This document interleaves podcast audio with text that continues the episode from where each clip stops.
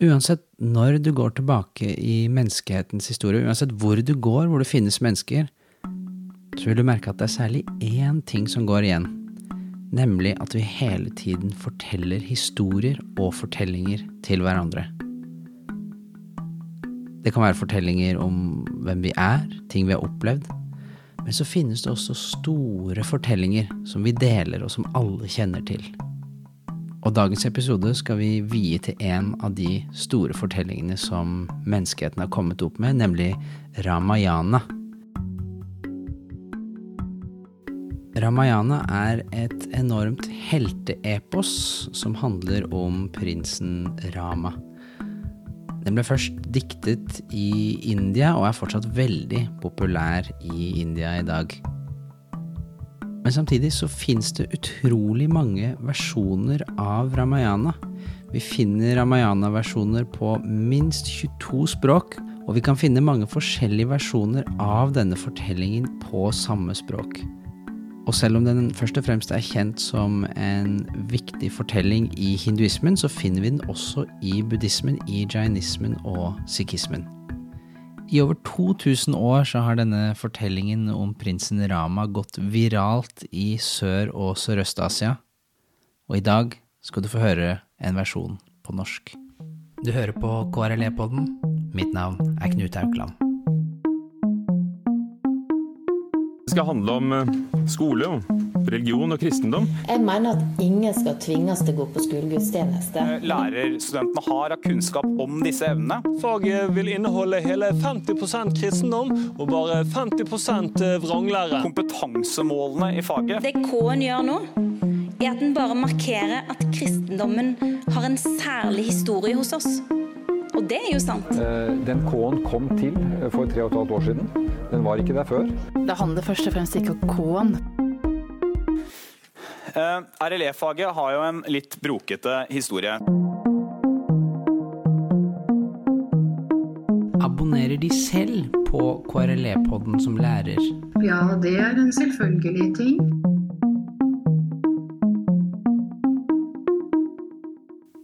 Nå skal du få være med inn i undervisningen og en framføring av Ramayana gjort av en veldig dyktig kollega av meg, nemlig Ragnhild Laird Iversen, som hadde en økt med noen lærerstudenter om fortellingsdidaktikk og hvordan man kan bruke Ramayana i undervisningen. Så sett deg ned, lukk øynene og hør denne episke fortellingen om Sita og Rama.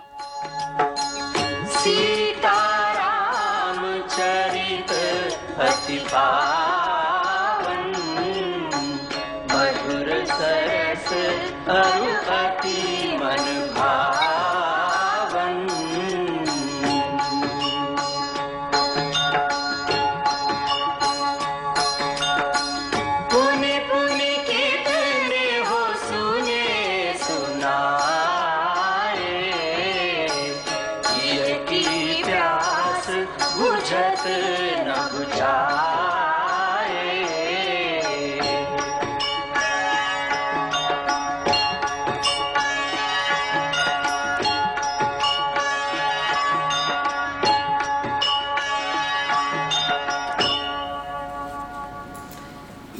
kongeriket Ayodhya så bodde det en konge som hadde tre koner og fire sønner.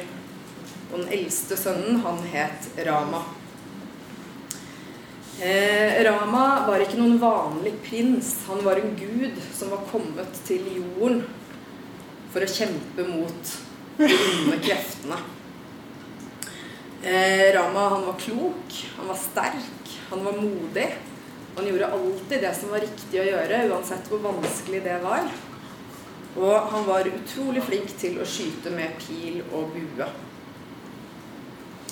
Etter hvert som kongen ble gammel, så bestemte han at det var Rama sin tur til å få sitte på tronen.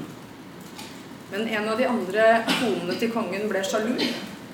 Hun ville at hennes sønn skulle bli konge i stedet. Og en gang for lenge siden hadde kongen lovet at hvis denne sjalu dronningen hadde et ønske, så skulle hun få det i oppfyllelse. Så dronningen gikk til kongen og sa jeg vil at min sønn blir konge i stedet, og at du sender Rama til skogs i 14 år. Eh, kongen visste ikke hva han skulle gjøre.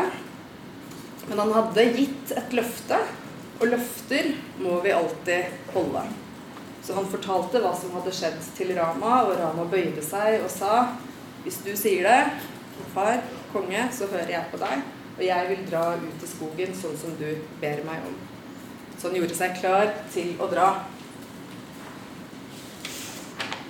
Den ene broren hans, Lakshmana, sa at hvis du skal ut i skogen, så vil jeg være med. Brødre de følger hverandre uansett hva som skjer. Så jeg skal være med og hjelpe deg. Alltid. Rama, han var gift. Han hadde en kone som het Sita. Og Sita hun var ikke bare en utrolig vakker prinsesse. Hun var også klok og modig, svært trofast. Og hun gjorde også alltid det som var riktig å gjøre, uansett hvor vanskelig det var. Så når mannen hennes skulle ut i skogen, ville hun selvfølgelig være med sammen med han. Så alle tre dro ut, bygde en hytte i skogen. Sita plukka bær og frukt. Lakshmana og Rama jakta på dyr, og sånn levde de i 13 år. Helt til en dag en demon kom til skogen. Har dere hørt om demoner før? Demoner de har også store krefter. Men i motsetning til guder så gjør ikke demoner det som er rett. Demoner de gjør det de vil. Og da Ravana fikk øye på Sita, ville han ha henne. Han kledde seg ut og sa til Sita en dag Lakshman og Rama var ute og jakta, at du skal gifte deg med meg. Nei, sa Sita. Selvfølgelig skal jeg ikke det. Jeg er gift med Rama. Jeg vil ikke engang ta på deg. Men det brydde ikke Ravana seg noe om. Så han grep henne rundt livet, tok henne opp i den flyvende vogna si. Og så fløy han ned over hele India og ned til borgen sin, som lå på øya Lanka.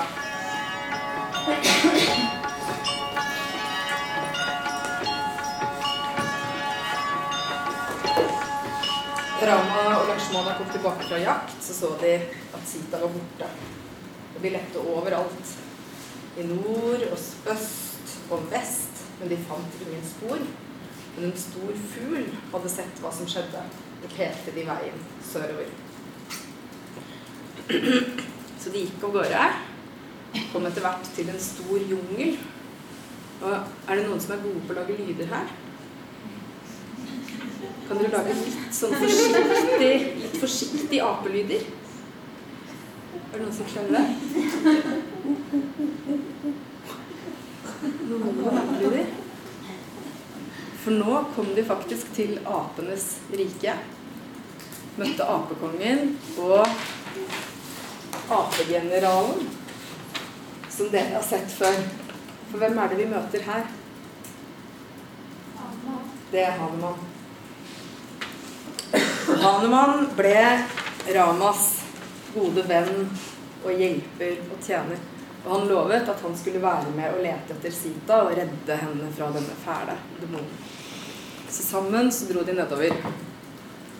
Og India det er et forferdelig stort land. Så det var langt, langt, langt å gå, og årstidene skifta.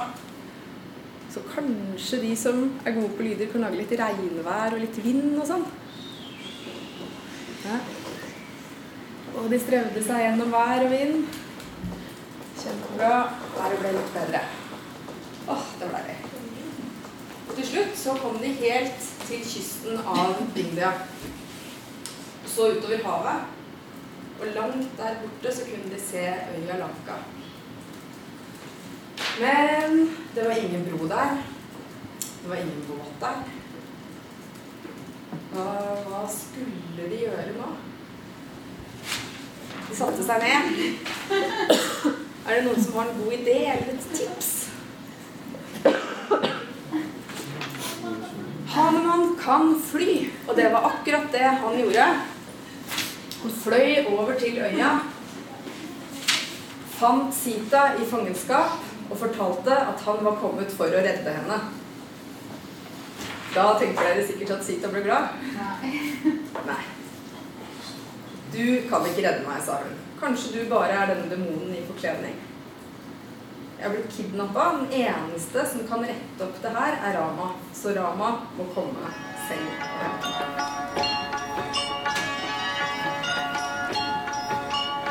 Så Hanuman fløy tilbake. Fortalte hva som hadde skjedd. Og Rama ble glad for å høre at kona var i live. Og de måtte nå sette i gang en plan for å bekjempe demonen Ravana. Så de samla sammen en stor hær. Hanuman henta apekrigerne sine. Og de fikk hjelp av en gjeng med bjørnekrigere.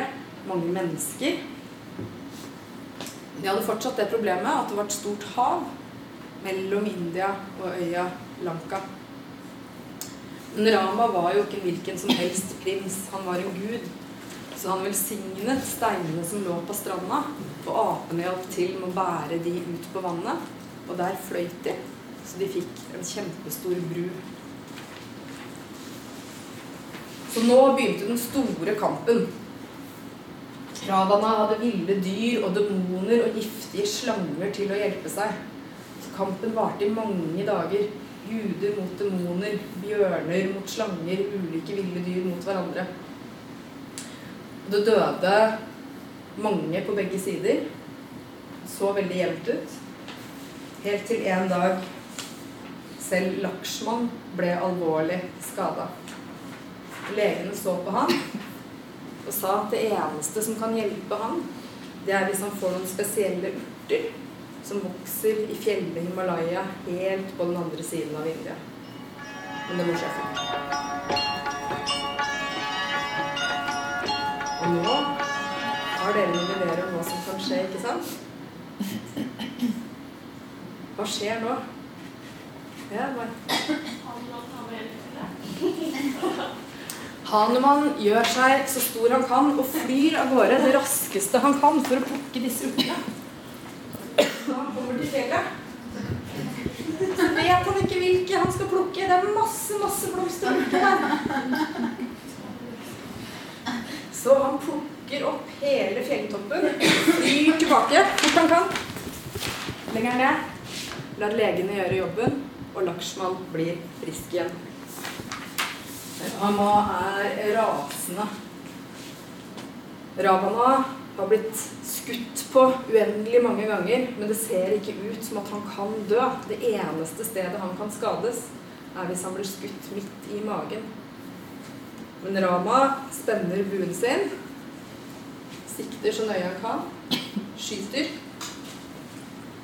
og treffer Ravana i navlen, og Ravana dør. Sita og Rama blir gjenforent, og sammen så drar de tilbake til Ayodhya. Nå har det gått 14 år. Denne forvisningsperioden er over. Og Rama får bli konge, og Sita får bli dronning. Og alle innbyggerne i Ayodhya er kjempeglade over at det gode har seira over det onde, og at de har sin rette konge og dronning på plass igjen. Dette feirer de med å tenne tusenvis av lys. Den feiringa skjer fortsatt i India og blant hinduer verden over i dag, og den festen kalles Diwali.